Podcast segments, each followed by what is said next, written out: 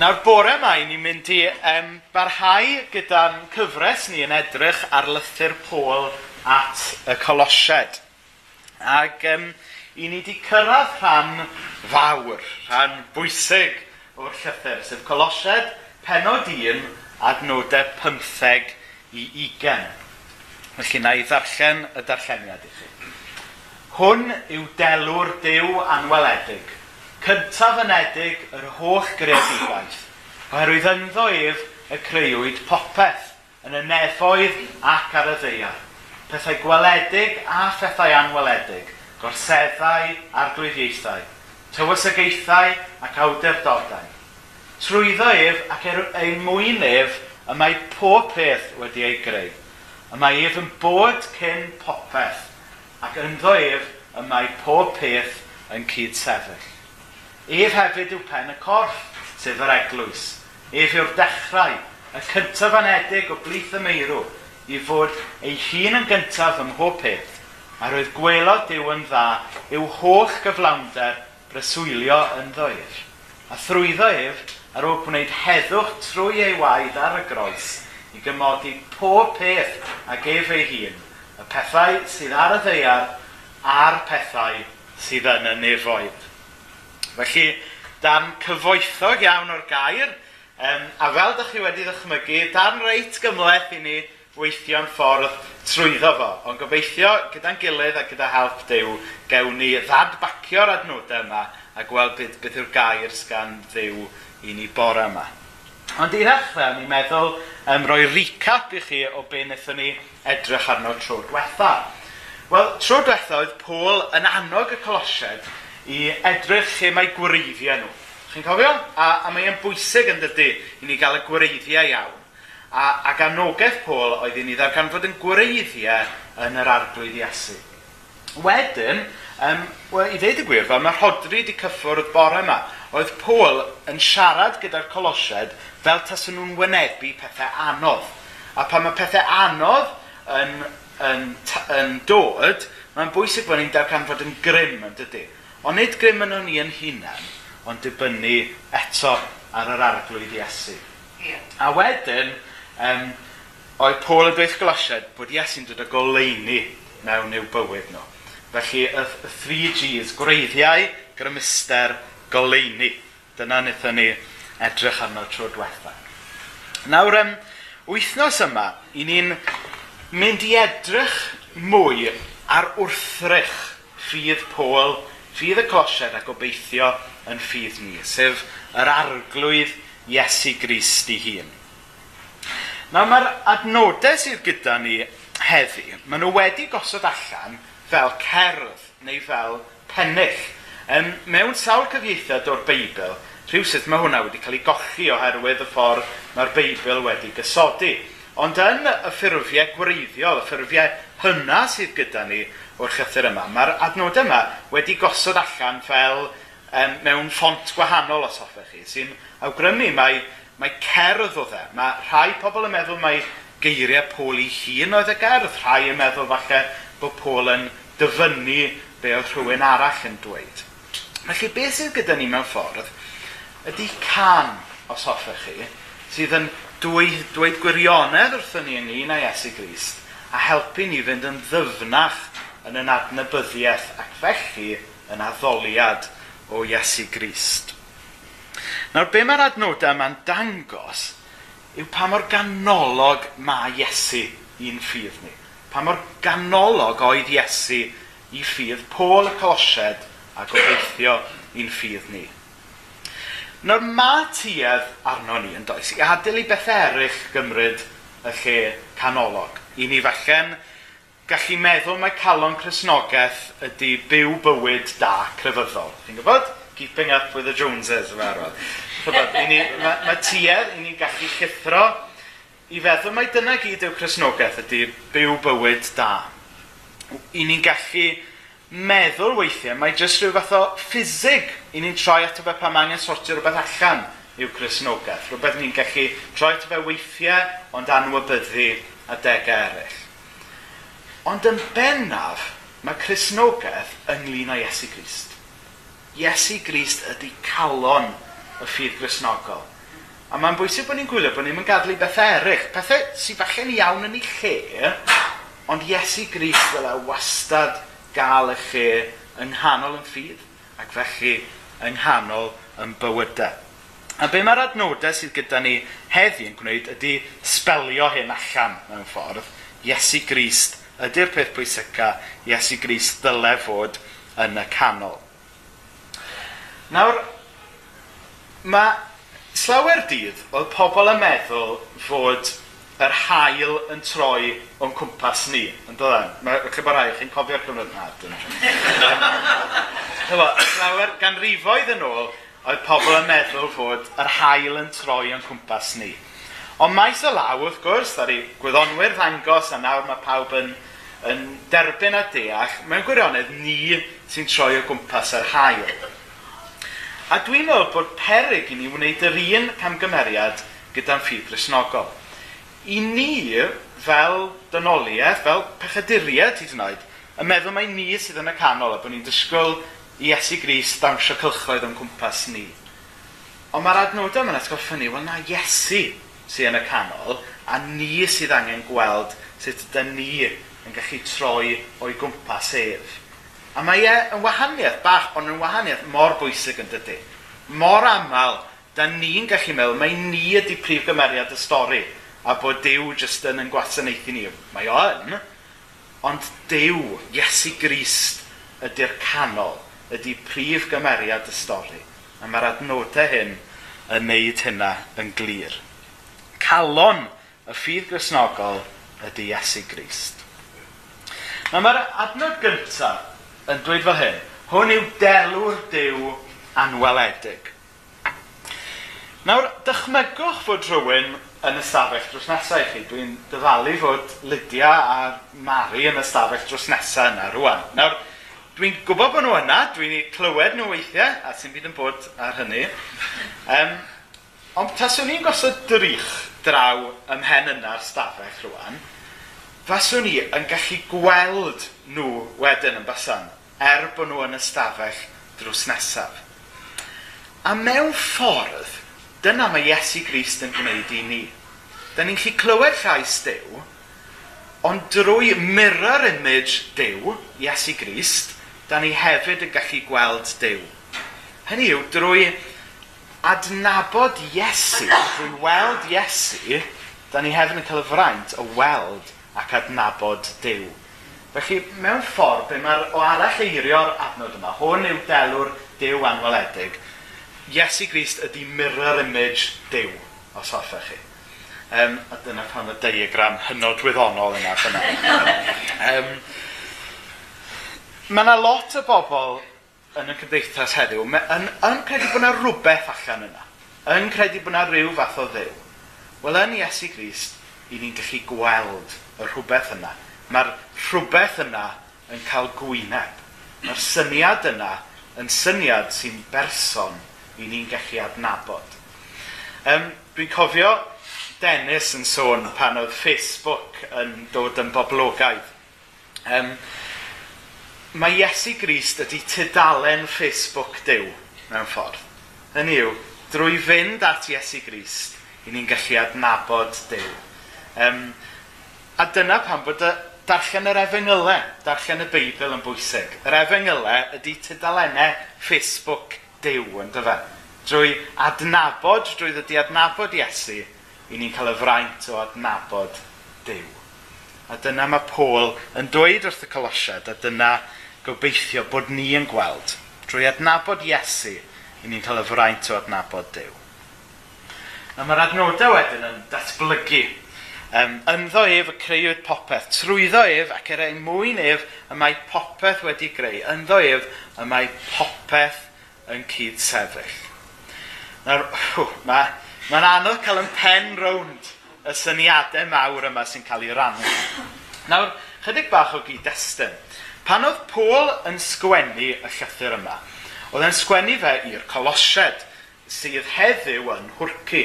Ac ar y pryd, oedd y rhan yma o'r byd um, yn y byd groegaidd, iawn?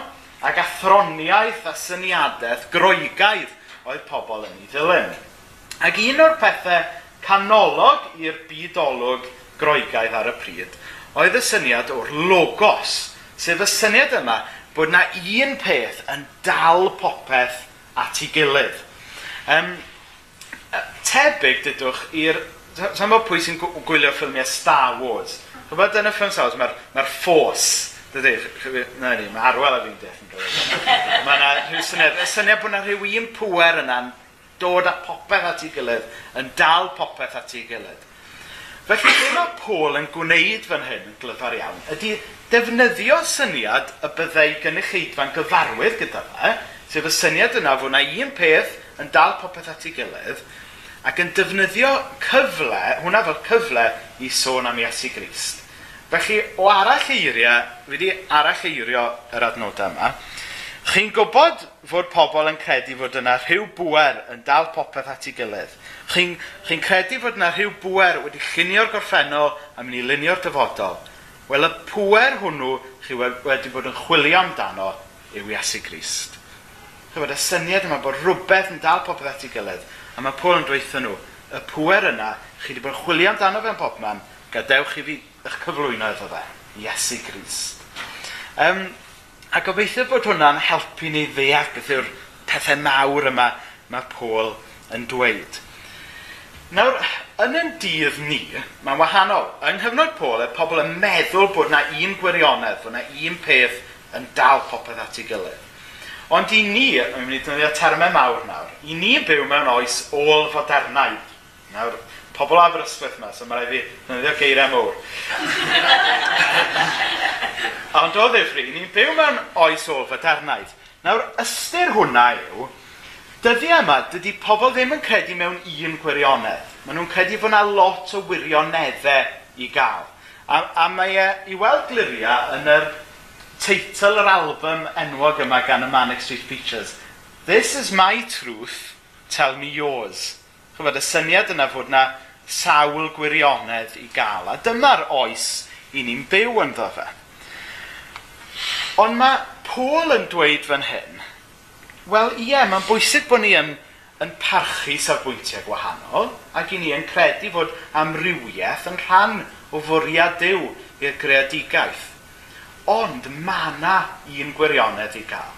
A mae'r gwirionedd yna wedi ymgnawdoli ym mherson Iesu Grist. Nawr, Y broblem sydd gyda ni yn y byd heddi yw pan mae pobl yn honni mae nhw sydd yn iawn a mae nhw sydd ar gwirionedd, mae yna duedd i'r bobl yna ddod drosto'n hunan bwysig neu yn hi iawn. Ac yn aml iawn, mae pobl sy'n hawlio mae nhw sydd ar gwirionedd a nhw yn unig, hyd yn oed yn enw Iesu Grist yn troi i fod yn dreisgar yn anffodus. Ond mae'r math o wirionedd mae Iesu yn sôn amdano fe fan hyn, nid rhyw wirionedd i globio pobl gyda fe yw e, ond gwirionedd sydd wedi seilio ar gariad ac ar ras. A ni'n gweld hwnna mywyd Iesu Grist. Hynny yw, ddath Iesu Grist mewn i'r byd yma i wasanaethu, yn do? Ddath e ddim mewn i'r byd yma i giro pob un o'n ni mewn dadl, ddath e mewn yma i wasanaethu. Doedd Iesu Gris mewn i'r byd yma i farw dros i elynion, nid i ladd i elynion. Ac yn sydyn reit, ni'n gweld gwahaniaeth yn dydyn rhwng y gwirionedd yn Iesu Grist a ffordd mae dynion yn gwirdroi y syniad y wirionedd. I ni fel pobl, i ni'n rhy barod o ddefnyddio'r syniad y wirionedd er mwyn taro pobl eraill i lawr. Ond mae'r gwirionedd sydd yn Iesu yna i garu gwasanaethu pobl eraill. Felly pan i ni fel Cresnogion yn dweud bod ni'n credu mewn gwirionedd, mae hynna'n bwysig i ni yn credu mewn gwirionedd. A ni'n credu bod y gwirionedd i gael yn Iesu. Ond mae'r gwirionedd yna wedi selio ar ras a chariad. A'r ffaith bod Iesu wedi dod i farw drosto ni. Wedi dod i farw dros i elynion. Wedi dod i wasanaethu, nid i gael i wasanaethu. Nawr, os ydyn ni'n credu mae Iesu sydd yn dal y cosmos at ei gilydd, dyw e ddim yn syndod fod Paul yn dweud mae Iesu ydy pen yr eglwys, pen ei eglwys. Nawr, mae hwn yn swndio yn bwynt amlwg yn dydy, mae Iesu Grist ydy pen eglwys Iesu Grist. Ond weithiau, fel Cresnogion, mae angen i ni ddweud yr ofias wrth yn gilydd, yn does? Mae angen i ni atgoffa'n gilydd o'r hyn i ni weithiau'n gallu cymryd rhi gan i'r tal. Achos i ni gyd yn gwybod fel Cresnogion bod ni yn gallu gadael i beth eraill dod yn ben yn yr eglwys. Yng Nghymru, mae cwlt y pregathwr yn beth mawr, yn dydy. Dyna pam dwi ddim yn licio bod chi'n galw fi'n barchedig. Dwi'n un ohonoch chi, a dyna sut dwi eisiau hi fod. Um, ond Chybod, edrychwch chi ar hanes Cymru, a weithiau mae'r pregethwr wedi dod yn fwy pwysig na'r hyn mae'n pregethu amdano fe. Um, weithiau mae'r adeilad wedi dod yn fwy pwysig na'r, na be, na'r person sy'n cael ei addoli yn yr adeilad yna. Weithiau mae'r organ neu'r gitar wedi dod yn fwy pwysig na be mae'r organ a'r gitar fod yn help i'w addoli. Hynny mae'n bwysig i ni beidio cymryd yn ganiataol bod ni'n gwybod mae Iesu yw pen yr eglwys. Da ni'n gallu gadael i bethau erych ddod yn ben yn yr eglwys. A mae Paul yn atgoffa nhw, ef yw pen y corff. Ni ydy, fel mae'r llun yma'n dangos, ni ydy corff yr eglwys, ond mae'r groes sy'n ar y pen yn dyfa. Iesu Grist yw pen yr eglwys. Nawr mlaen at yr adran olaf oherwydd gwelodd Dyw yn dda yw holl gyflawnder breswylio yn ddeif a thrwyddo ef ar ôl gwneud heddwch trwy ei waed ar y groes i gymodi popeth ag ef ei hun, y pethau sydd ar y ddeiar a'r pethau sydd yn y nefoedd. Wel, adnodau mawr eto. Nawr, mae Cresnogion dros y canrifoedd wedi bod yn cnoi cil dros y cwestiwn – dros be fi oedd Iesu farw. Fi oedd Iesu farw dros bawb, fi oedd e farw dim ond dros y bobl nath gredu ynddo fe, fi oedd e farw er mwyn cymodi popeth iddo fe ei hun, um, neu dim ond cymodi dynoliaeth iddo fe ei hun. A, a fi'n mysio neb gochi cwsg dros y cwestiynau yma, ond mae'r adnodau yma yn helpu ni weithio'n ffordd dros cwestiynau yma. Um, nawr, unwaith eto, dwi eisiau mynd nôl i be o'n i'n dweud gynne, ynglyn â'n tuedd ni o feddwl mai ni ydy prif gymeriad y stori. Chi'n gwybod? Bod Dyw yn troi yn cwmpas ni. Dwi'n meddwl, be, mae, unwaith eto be mae'r adnodau yma'n dweud, yw ni yn rhan o'r stori, ni'n cael y fraint anhygoel o fod yn rhan o'r stori, y cymaint o fraint bod Iesu wedi marw drosto ni. Ond nid ni yw prif gymeriad y stori. Iesu Grist a'r ffaith bod e eisiau adfer y cyfan iddo fe ei hun ydy'r stori. A dydy hwnna ddim yn chwarae lawr faint mae Dyw yn caru ni. Dydy hwnna ddim yn chwarae lawr pa mor bwysig ydy ni'r stori. Y gwrthwyneb mewn gwirionedd, mae e'n dweithio ni bod ni yn rhan o stori lot mwy na ni yn hunain. Achos mae'r adnodau yma'n dweud bod, bod e'n creu heddwch trwy ei waed ar y groes i gymodi popeth ag ef ei hun. A mae'r popeth yna yn yn cynnwys ni, sydd yn hyfryd. Yn cofio um, rhyw flwyddyn yn ôl, um, o'n, i, o'n i yn tesgo rhyw dynawn dydd Sadwrn, a nes i weld Martin a Lydia yna.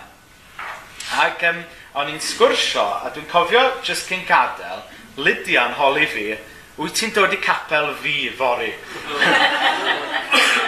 Martin yn cofio. Ac, um, ac oedd yna rhywbeth hyfryd yn hynna, yn does. Hynny yw, mae'r eglwys, mae'n gapel i chi, bob un ohonoch chi yn unigol, ond mae hefyd yn gapel ni yn dydy. Hynny yw, mae'r personol a'r cyfan yn rhan o'r stori. A mae'r un peth yn wir ynglyn â gwaith Dyw. Niw, mae gwaith Dyw yn waith mawr. Mae e'n adfer popeth, dyna mae'r gair yn dweud. Ond cymaint mae Dyw yn caru ni, mae wedi rhoi gwahoddiad personol i bob un ohono ni, i fod yn rhan o'r peth hyfryd newydd yma mae e'n ei greu. Mae e fel dau ochr i'r geiniog. Chyba. Un ochr y geiniog mae Dyw yn dod yn adfer popeth.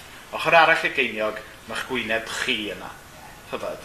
Yr, yr gwahoddiad personol i chwarae'ch rhan mewn rhywbeth mawr. Felly beth yw oblygiadau y gerdd yma gan Pôl?